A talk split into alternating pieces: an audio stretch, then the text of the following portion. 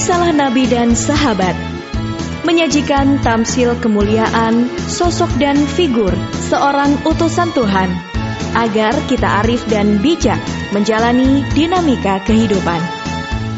Cermin langkah hidup kemarin, sekarang, dan hari kemudian.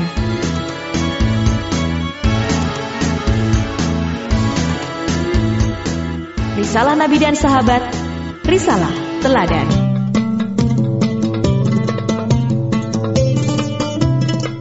Insan edukasi, Nabi Nuh alaihissalam adalah nabi keempat sesudah Adam.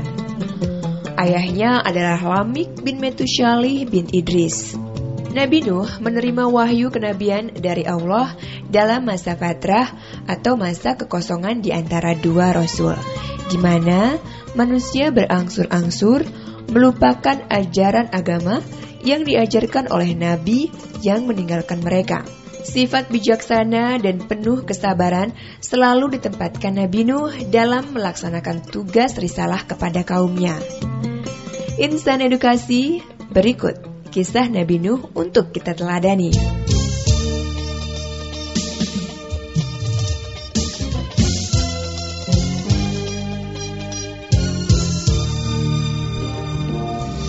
Assalamualaikum warahmatullahi wabarakatuh Insan edukasi yang dirahmati Allah. Pada kesempatan ini kita akan berkisah tentang Nabi Allah yang lain Yaitu Nabi Nuh alaihi salam. Insan edukasi Nabi Nuh adalah Nabi keempat sesudah Nabi Adam Syed dan kemudian Idris. Dan beliau merupakan keturunan kesembilan dari Nabi Adam alaihissalam berayahkan Lamik bin Metushaleh bin Idris. Nah, kisah beliau ini tentu akan sangat menarik untuk kita jadikan teladan bagi hidup kita karena nanti kita akan mendengar bagaimana kaitannya beliau dengan kaum beliau dan bagaimana kaitannya antara beliau dengan keluarga beliau dalam hal ini adalah anak beliau Kanan. Insan edukasi Nabi Nuh alaihi salam adalah seorang nabi yang mendapatkan wahyu dari Allah Subhanahu wa taala untuk mengubah kaumnya yang saat itu telah berangsur-angsur melupakan ajaran agama yang dibawa oleh nabi-nabi yang telah meninggalkan mereka. Nah, dalam masa fatrah atau masa kekosongan di antara dua rasul, itulah kemudian Nabi Nuh diutus Allah kepada kaumnya untuk mengajarkan kebajikan, kebaikan, ketulusan, kemuliaan karakter dan juga meninggalkan segala macam kemusyrikan dan memurnikan tauhid hanya kepada Allah Subhanahu wa taala. Karena kita tahu insan edukasi bahwa seluruh nabi itu membawa misi yang sama adalah ketauhidan dan juga mengajarkan kebahagiaan hidup yang sesungguhnya di dunia maupun di akhirat. Insan edukasi, Nabi Nuh diutus pada sebuah kaum yang sudah mulai melupakan Allah, mulai meninggalkan menyembah Allah dengan cara yang benar diganti oleh mereka menyembah patung-patung yang sesungguhnya adalah mereka buat dengan tangan mereka sendiri dan lalu mereka namai patung-patung itu sesuai dengan keinginan dan kehendak masing-masing mereka. Maka insan edukasi mereka namai berhala mereka dengan Wat, Suwa, dan kadangkala juga mereka menyebutkan Yagus sebagai sebutan yang mereka anggap layak dan cukup pantas bagi sesembahan-sesembahan mereka yang berupa berhala. Dan uniknya lagi insan edukasi, kalaulah mereka itu kemudian merasa bosan dengan nama-nama yang telah mereka pakai untuk menyebut nama patung-patung atau berhala yang mereka sembah itu, maka mereka lalu menggantikan namanya dengan Yatuk, Nasr, dan lain sebagainya. Adapun kesesatan yang mereka lakukan itu tidak lain dan tidak bukan karena mereka memperturuti keinginan diri mereka yang itu jelas merupakan hasil dari bisikan iblis yang senantiasa berusaha untuk menyesatkan manusia. Maka mereka lalu mensekutukan Allah Tuhan yang sesungguhnya dengan berhala-berhala yang sama sekali tidak mampu meninggalkan manfaat maupun mudorot bagi mereka. Insan edukasi untuk apalah kemudian mereka itu mau menyembah dan mempertuan berhala-berhala yang notabene adalah buatan mereka sendiri, tidak berdaya untuk melindungi mereka dan tidak mampu memberikan manfaat bagi mereka? Itulah satu kebodohan yang telah mereka lakukan dan maka dalam keadaan seperti ini Nabi Nuh datang dan lalu memberikan nasihat secara terang-terangan menggunakan logika yang sehat menyampaikan wahyu Allah itu kepada mereka dengan harapan membawa kembali mereka untuk menjadi manusia yang fitrah yaitu mentauhidkan Allah dan punya kecenderungan untuk melakukan kebaikan dalam hidup mereka di dunia ini. Nah, tetapi apa yang terjadi insan edukasi? Inilah kehebatan dari umat-umat Nabi Nuh, tapi tentu hebat dalam tanda kutip. Ketika Nuh menasihati mereka untuk mentauhidkan Allah dan jangan melakukan kemusyrikan, Nah, justru kemudian mereka insan edukasi umat Nuh itu menolak apa yang disampaikan oleh Nabi Nuh dan kemudian mereka justru melecehkan Nabi Nuh dengan menyebut-nyebut posisi Nabi Nuh bahwa Nabi Nuh sesungguhnya adalah ya manusia biasa seperti kita.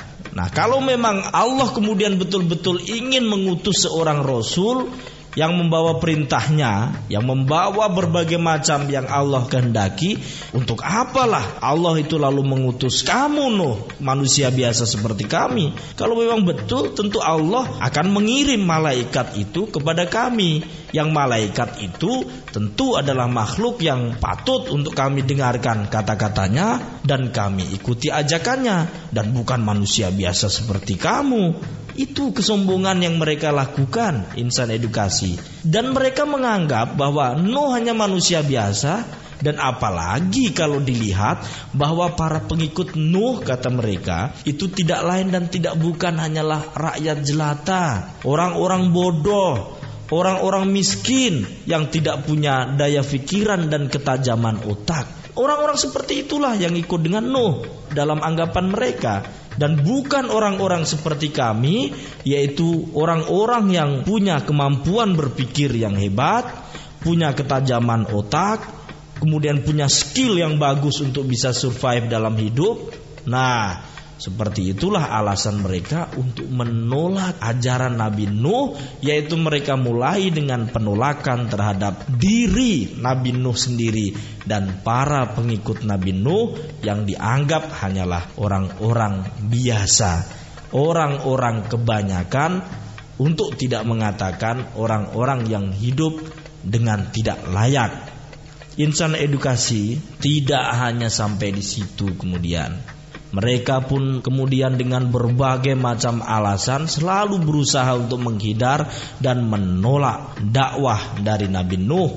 Bahkan mereka mampu mengatakan kepada Nabi Nuh bahwa sesungguhnya engkau Nuh tidak lain dan tidak bukan hanyalah pendusta belaka.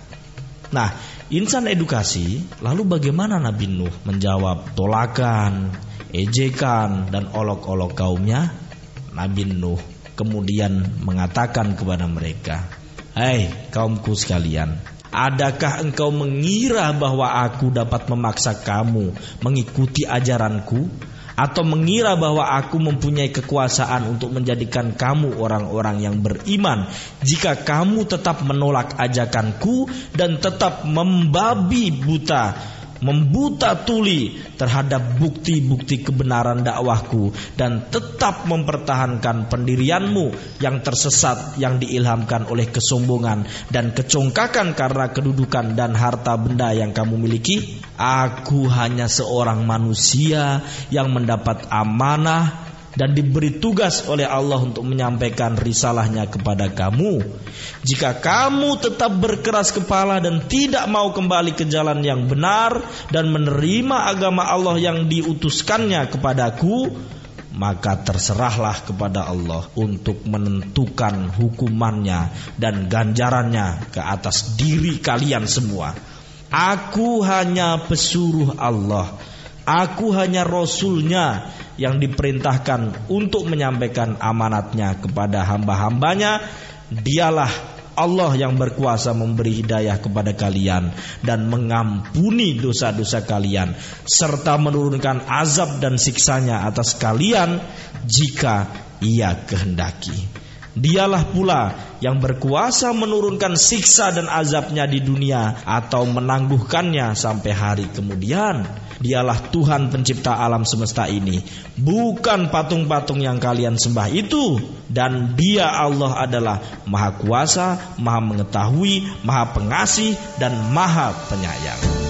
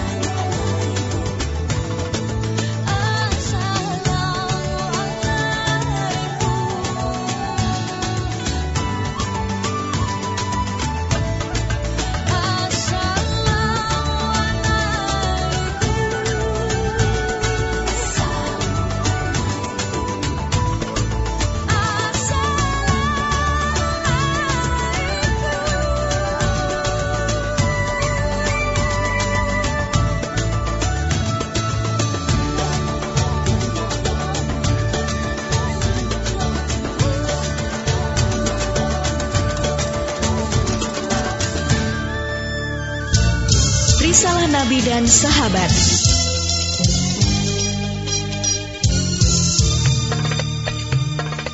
Insan edukasi yang dirahmati Allah. Ini jawaban yang diberikan oleh Nuh. Satu jawaban yang penuh dengan kebijakan, satu jawaban yang sangat luar biasa, yang sangat elegan dalam menjawab olok-olokan kaumnya. Insan edukasi. Kaum Nabi Nuh kemudian mereka mengatakan bahwa mau saja mengikuti Nabi Nuh tapi dengan syarat Syarat yang mereka inginkan adalah boleh saja Nuh kemudian membawa mereka ke dalam ketauhidan, mengikuti risalah yang dibawa oleh Nabi Nuh. Syaratnya adalah Nuh harus meninggalkan pengikut-pengikutnya yang miskin dan kampungan itu. Karena dalam pandangan mereka, ketika mereka harus bercampur baur dengan pengikut Nuh, yang mereka anggap miskin dan kemudian tidak memiliki ketajaman kepandaian berpikir itu maka akan membuat kedudukan mereka itu akan jatuh di hadapan manusia yang lain. Inilah satu alasan yang kemudian terlalu mengada-ada dan Nabi Nuh dengan tegas menolak semua persyaratan yang mereka inginkan.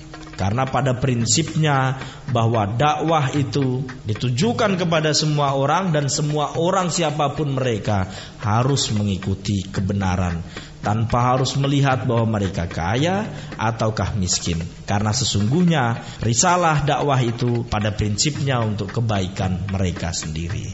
Nah, insan edukasi Nabi Nuh ini berada di tengah kaumnya dan berdakwah menyampaikan risalah Allah itu mengajak mereka untuk meninggalkan berhala dan menuju kepada ketauhidan itu 950 tahun lamanya insan edukasi.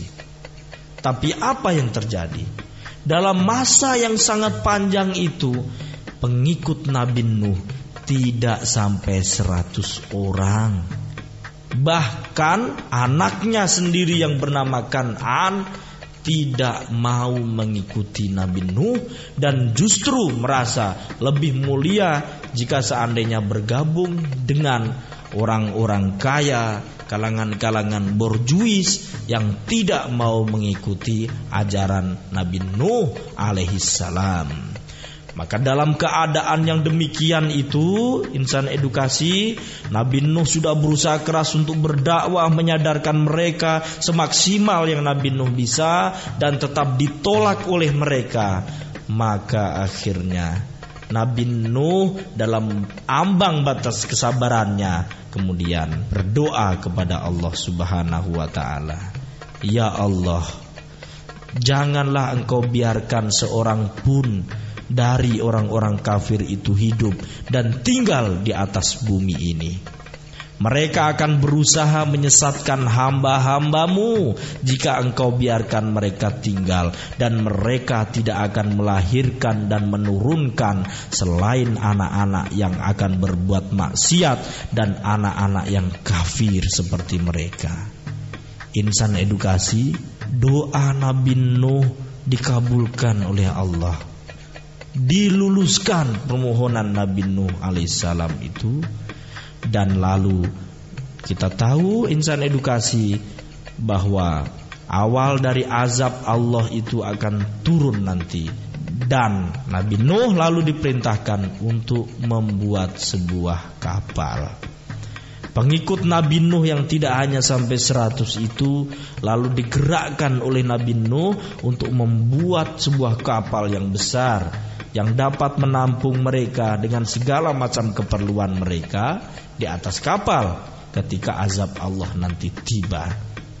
Nah, dimulailah dibuat kapal. Satu hal yang mungkin sangat tidak lazim untuk orang-orang pada masa itu dan Nabi Nuh tetap kemudian bergeming, beliau terus melakukan dan melanjutkan pembuatan kapal meskipun apa yang beliau lakukan dan para sahabat-sahabat beliau, pengikut beliau itu diolok-olok oleh orang-orang kafir.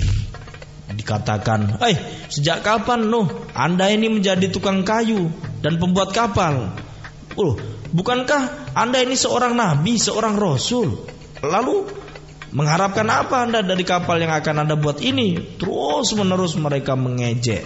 Bahkan maaf, tidak sedikit dari mereka melakukan olok-olokan yang sangat melebihi batas ambang kesabaran seseorang, yaitu dengan membuang hajat di kapal yang Nabi Nuh buat.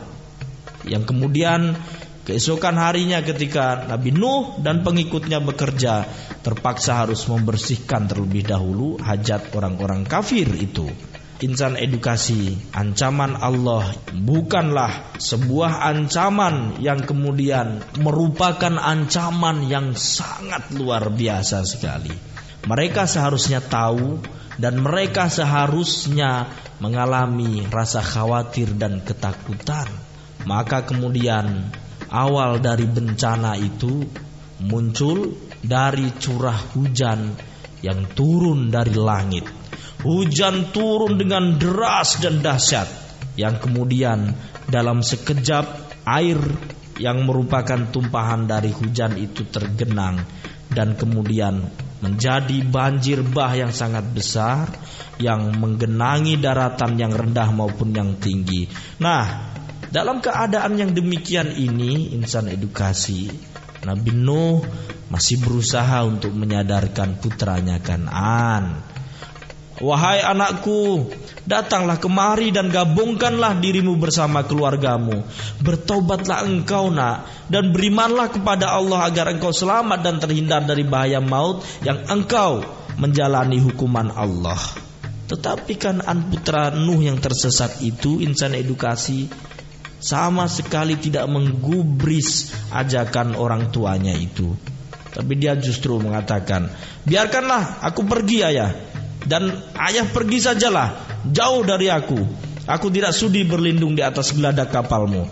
Dan justru aku akan menyelamatkan diriku sendiri dengan berlindung di atas bukit yang tidak akan mungkin dijangkau oleh air bah ini.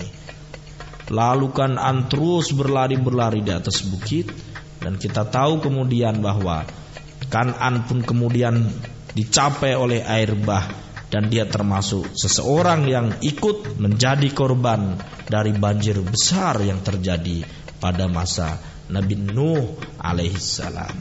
Sedangkan Nabi Nuh dan para pengikutnya menyelamatkan diri di atas kapal yang telah mereka buat selama ini dan kemudian kita tahu bahwa mereka kemudian akan bertambat di atas sebuah bukit yang kita kenal dengan bukit Jundi dengan rahmat dan berkah Allah selamatlah mereka.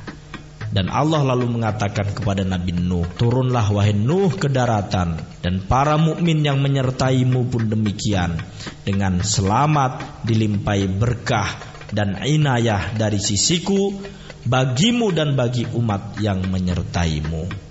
Insan edukasi cerita tentang Nabi Nuh dalam Al-Quran ini bisa kita baca kisahnya dalam 43 ayat. Dari 28 surah di antaranya adalah surah Nuh dari ayat 1 sehingga 28 lalu surah Hud ayat 27 sehingga ayat 48 yang mengisahkan dialog Nabi Nuh dengan kaumnya dan perintah pembuatan kapal serta keadaan banjir yang menimpa di atas mereka. Insan edukasi yang dirahmati Allah. Dari kisah Nabi Nuh alaihissalam tadi kita bisa mengambil banyak sekali pelajaran bahwa Sekali lagi, kesombongan itu akan membuat buta mata hati kita.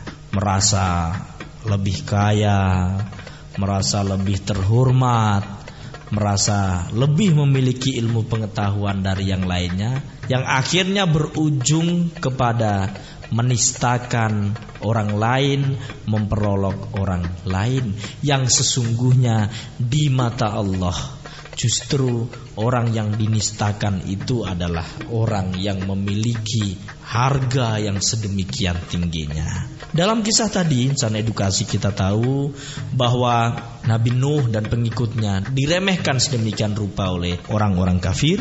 Padahal sesungguhnya kalau dikatakan siapa yang sesungguhnya yang lebih tajam pikirannya, apakah orang yang menyembah sesuatu yang dibuat oleh mereka sendiri sesuatu yang tidak mampu untuk memberikan bahaya maupun manfaat bagi mereka, sesuatu yang tidak dapat melindungi mereka, ataukah Nabi Nuh dan para sahabatnya yang mengerti benar bahwa yang patut disembah itu hanyalah Allah yang maha kaya, maha melindungi, maha bijaksana dan maha memberikan segala macam berkah dan rahmat kepada seluruh makhluknya.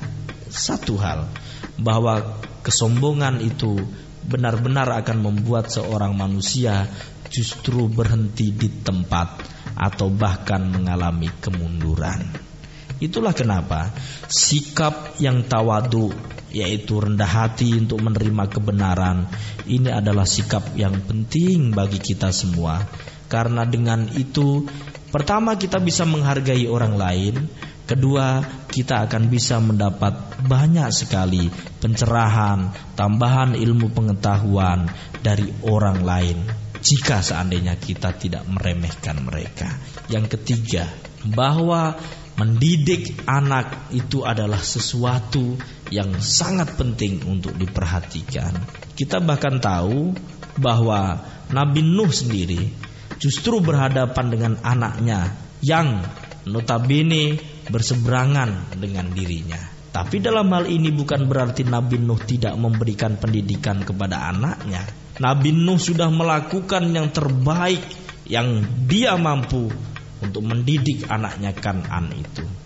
Tetapi ternyata Kanan memang lebih mendengarkan suara-suara orang-orang yang kafir. Maka dalam hal ini Lepaslah sudah tanggung jawab orang tua ketika orang tua sudah memberikan yang terbaik bagi anaknya. Maka insan edukasi tidak benar juga seandainya orang tua lalu menyalahkan dirinya sendiri dan kemudian memfonis dirinya sendiri sebagai orang yang paling bersalah ketika sudah memberikan yang terbaik kepada anaknya namun anaknya justru menolak. Demikian insan edukasi, mudah-mudahan bermanfaat bagi kita semua. Wassalamualaikum warahmatullahi wabarakatuh. Insan edukasi dari kisah Nabi Nuh yang diceritakan kembali oleh Ustadz Supriyanto Pasir dapat kita teladani bahwasanya hubungan yang terjalin antara manusia karena ikatan persamaan kepercayaan atau persamaan akidah serta pendirian adalah lebih erat dan lebih berkesan daripada hubungan yang terjalin karena ikatan darah atau kelahiran. Maka dalam pengertian inilah dapat difahami firman Allah dalam Al-Quran yang berbunyi, Sesungguhnya para mukmin itu adalah bersaudara. Demikian pula hadis Rasulullah Shallallahu Alaihi Wasallam yang bermaksud tidaklah sempurna iman seseorang kecuali jika ia mencintai saudaranya yang beriman sebagaimana ia mencintai dirinya sendiri. Risalah Nabi dan sahabat telah disampaikan. Tinggal bagaimana kita bisa mengambil pelajaran dari sosok dan figur seorang utusan Tuhan agar kita berbahagia dalam mengarungi kehidupan.